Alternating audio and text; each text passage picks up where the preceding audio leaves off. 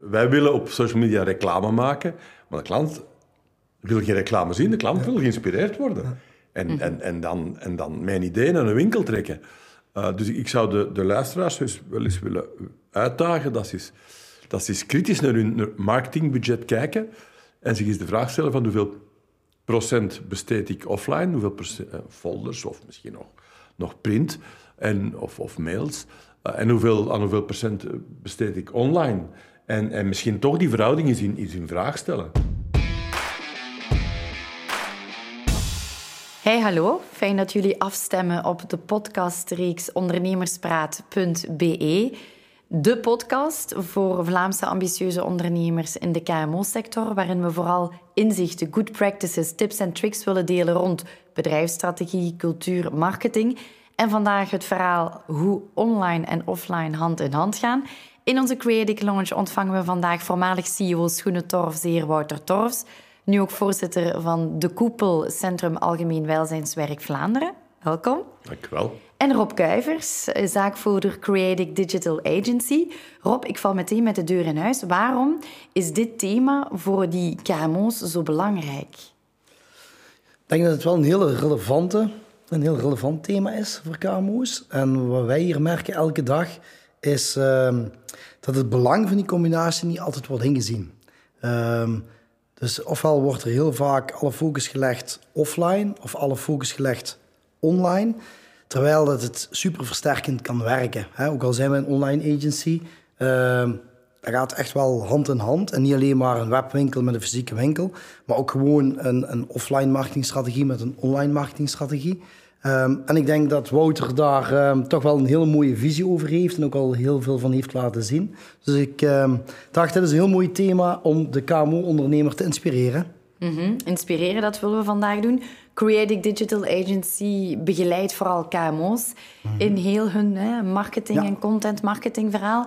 Beste heer Torfs, Schoenentorfs is natuurlijk een heel groot bedrijf. Toch denk ik dat de visie rond het hand-in-hand -hand gaan van online en offline marketing, dat dat wel voor eender welk bedrijf geldt, hè? Ja, zeker. Uh, de, de, de codewoord vandaag is omnichannel strategie. Hè? Dus de, de klant moet centraal staan. En, en ja, twintig jaar geleden stond de klant centraal in de winkel. Ja, vandaag is er natuurlijk de hele online wereld bijgekomen. En dus ik denk dat, dat iedereen die met klanten werkt, het zich niet meer kan permitteren om één kanaal uit te sluiten. Dus die klant zet die klant centraal en zorg er dan voor dat, dat, die online en offline benadering naadloos in elkaar overlopen. De Torfs Webshop is van start gegaan in 2012. We hadden toen een ambitie uh, op twee jaar tijd dat, dat de webshop de grootste Torfswinkel zou zijn. Dat wilde zeggen, we mikten op een omzet van 3,5, 4 miljoen euro. Ja, vandaag uh, is 21% van de totale omzet online omzet en vertegenwoordigt de, de webshop zeven, acht grote winkels. Dus het is ondenkbaar dat, uh, dat die zou wegvallen vandaag. U heeft dat wel heel mooi verwoord, want u heeft gezegd... is het hele online verhaal erbij gekomen? Het is dus duidelijk niet ter vervanging van... Nee, het is niet ter vervanging van.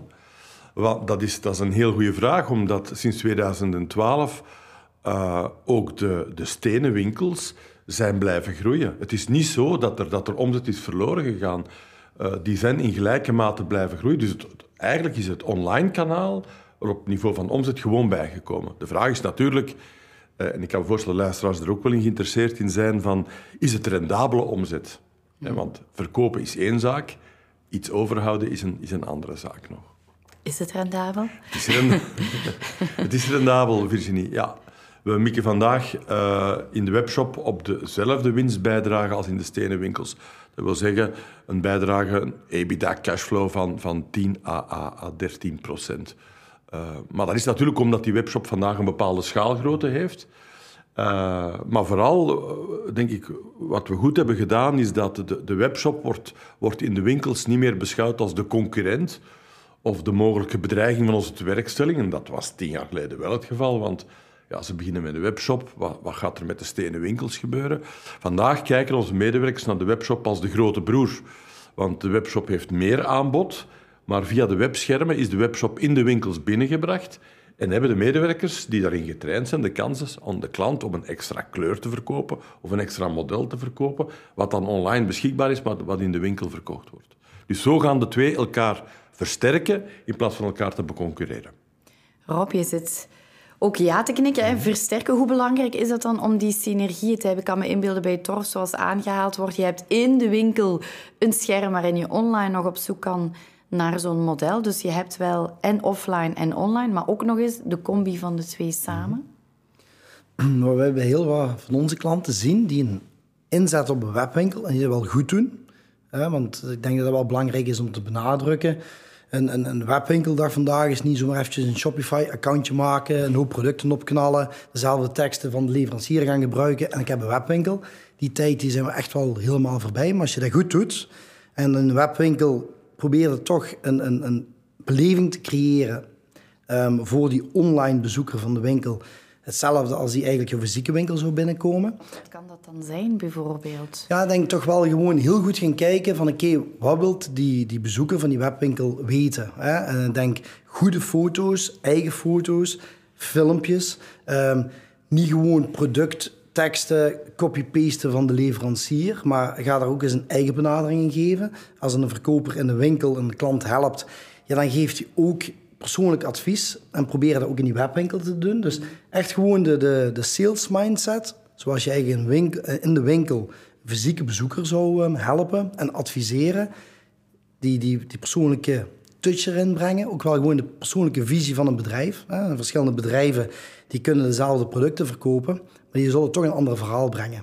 Doe dat dan ook in de webwinkel. Ik zie nog altijd heel veel webwinkels ja, dat het eigenlijk uh, overal dezelfde foto's zijn, overal dezelfde teksten.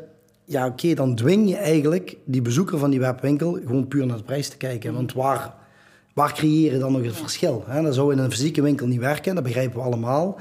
En toch wordt op webwinkels nog altijd gedaan.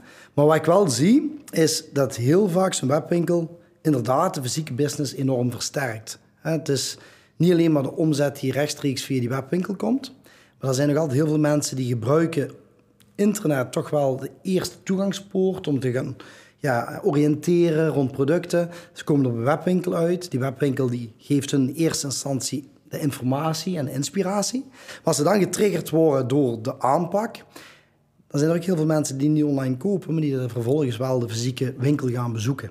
Ehm, en zo hebben wij eigenlijk al heel wat klanten vanaf het moment dat die serieus beginnen in te zetten op een webwinkel. Enerzijds heb je daar je omzet. En dan moeten we eerlijk in zijn, dat is niet de eerste maanden, soms zelfs niet het eerste jaar, ja, een hele grote omzet. Hè. Eh, het is ook niet altijd evident om daar meteen winstgevend te zijn met de webwinkel, als je daar ook genoeg effort in moet steken. Maar anderzijds versterkt dat wel heel vaak de, de fysieke omzet in de winkel. En dat dan de klanten zien van oké, in één keer komen mensen van verder. Hoe zijn jullie bij ons terechtgekomen? Oh, we hebben jullie gevonden via social media, via Google. Ze weten eigenlijk al wat ze willen hebben. Ze hebben eigenlijk het product eigenlijk al gekozen op de webshop. En vervolgens willen ze nog wel eventjes het product in het echt zien.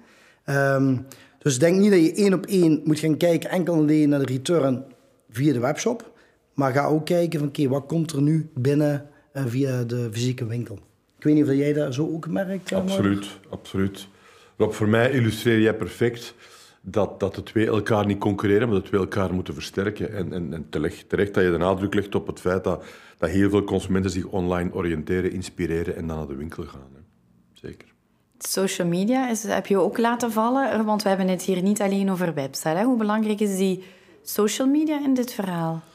Voor Torf is dat erg belangrijk. Uh, en met name hebben we in de voorbije jaren toch het belang van Instagram zien toenemen ten opzichte van Facebook. Uh, en is het absoluut de moeite waard om, om, voor ons om er iemand dedicated uh, op te zetten, uh, om, om waardevolle content te creëren. Hè. Bijvoorbeeld bij mijn afscheid was, er, was, er, was er ook een, een modeshow, omdat ook een product, product voor, informatie was aan de medewerkers. Wel ja, die modeshow was professioneel georganiseerd. Dat is, dus, dat is dus een zee aan content om, om nadien in kleine stukjes, snippets zeker, -hmm. te tonen op, op Instagram. En, en daardoor ga je dus een stuk je bedrijfsimago neerzetten op een, ja, op, op een veel frissere, eigentijdse manier dan, dan, dan in de winkel. Hmm. Dus het, uh, maar je hebt er wel uh, ja, specialisten voor nodig. Hè. Dus eh, dat- ik, voel, ik voelde mezelf niet meer geroepen om, om de Instagram-account te beheren. Collega's zullen nu wel eens hard lachen als ze dat horen. Ehm, maar dat zijn frisse, jonge meisjes en jongens die dat doen. Mhm. Je hebt er tijd en mensen voor nodig. Rob, natuurlijk, in een KMO-wereld zit je vaak met kleinere teams. Hoe- Jouw klanten, heb je daar zo feedback van, van hoe dat zij struggelen met dat hele social media online gebeuren? Ik denk dat voor heel veel ondernemers wel een uitdaging is. Want iedereen weet wel hoe belangrijk dat het is. En zeker met een webwinkel, eh, maar ook gewoon eh, van dienstverlenend bedrijf of, of, of ander type bedrijf, kun je eigenlijk niet meer rond social media heen. Hè? Maar er spelen dan toch wel twee zaken. Punt één, de tijd en ook wel de goesting. Hè? Heel veel ondernemers die weten wel dat het belangrijk is, maar die hebben eigenlijk geen goesting om ermee bezig te zijn. Je moet er de tijd voor maken. Social media moet ook wel consistent zijn. Het heeft geen zin om om één week vijf posts te doen en dan twee weken niet. Hè? Dus, ehm, maar het tweede is ook wel de creativiteit. Ehm, heel vaak dat ondernemers denken van oh, het moet echt nieuwswaardig zijn dat ik het op social media kan plaatsen. Ehm, maar dat is zeker niet het geval. Het is eigenlijk gewoon belangrijk dat je jouw, bedrijf, ehm, de persoonlijkheid van jouw bedrijf, het gezicht achter het bedrijf, visie van het bedrijf, dat je daar eigenlijk gewoon gefragmenteerd, consistent naar buiten draagt. En, dat, en dat ook niet te veel alleen maar producten bijvoorbeeld naar buiten brengen. Hè? Ehm, maar laat zien, oké, waarom moeten mensen naar jouw winkel komen? Ja, het is about storytelling, denk ik. Ja. Hè? Van, Ja. van welk verhaal wil ik vertellen? Mensen zijn geïnteresseerd in, in verhalen, eh, in, in misschien een kijk achter de schermen, eh, veel meer dan in reclame. Mensen zijn, zijn niet, in de volgens niemand geïnteresseerd in reclame. Ehm, dus Dat ik, is ik, misschien wel een belangrijke ja, tip. dat is, dat is een belangrijke. Niet te En- veel en, als... ja, wij willen op social media reclame maken, maar de klant wil geen reclame zien. De klant wil geïnspireerd worden. En, en, en, dan, en dan mijn idee naar een winkel trekken. Uh, dus ik zou de, de luisteraars dus wel eens willen uitdagen dat ze dat ze eens kritisch naar hun marketingbudget kijken en zich eens de vraag stellen van hoeveel procent besteed ik offline, hoeveel procent, uh, folders of misschien nog, nog print en, of, of mails, uh, en hoeveel, aan hoeveel procent besteed ik online. En, en misschien toch die verhouding eens in, eens in vraag stellen. En eens durven van, ik zeg niet zeggen dat alle offline moet, moet verbannen worden, maar toch eens een keer een shift durven maken naar, naar online, maar dan kwalitatieve online, met content, met storytelling. Uh, en, en dan zien we wat het resultaat is. Een ander iets, Rob, waar KMO's misschien mee zouden kunnen struggelen als ze online gaan. Stel, je hebt een fantastisch product, hè, waar ook andere retailers mee aan de slag gaan. Vaak heb je zo dat gevoel van, kan ik wel een website creëren en daar producten aanbieden die ook door ja, anderen verkocht worden? Ga je dan eigenlijk met jouw eigen nog eens klanten een, een concurrentie aangaan?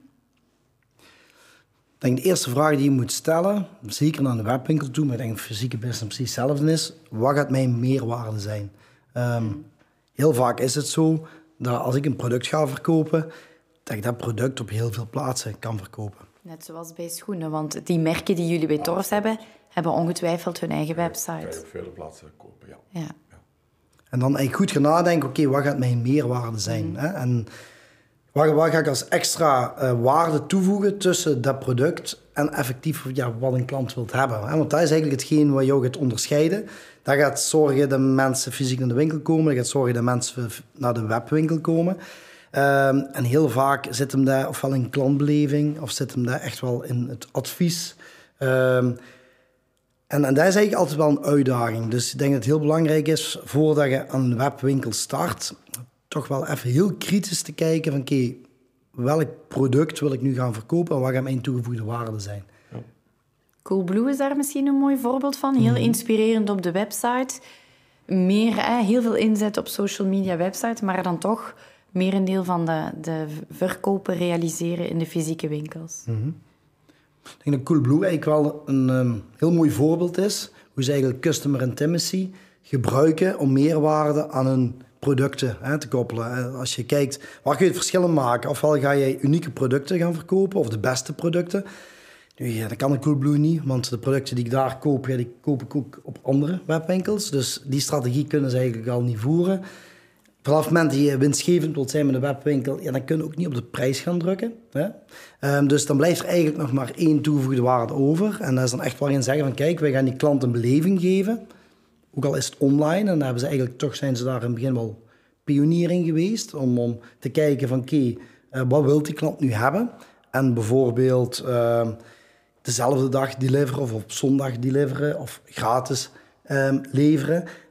Ja, waren ze eigenlijk toen op dat moment wel pionier in de markt. Alleen het is niet evident om dat te blijven. Hè? Want alle anderen, ja, die schakelen ook snel, zeker ook, online. Ja.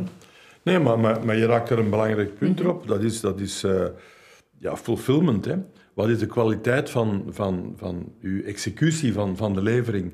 Dus de, voor, tien, voor tien uur besteld bij Torres Next Day Delivery.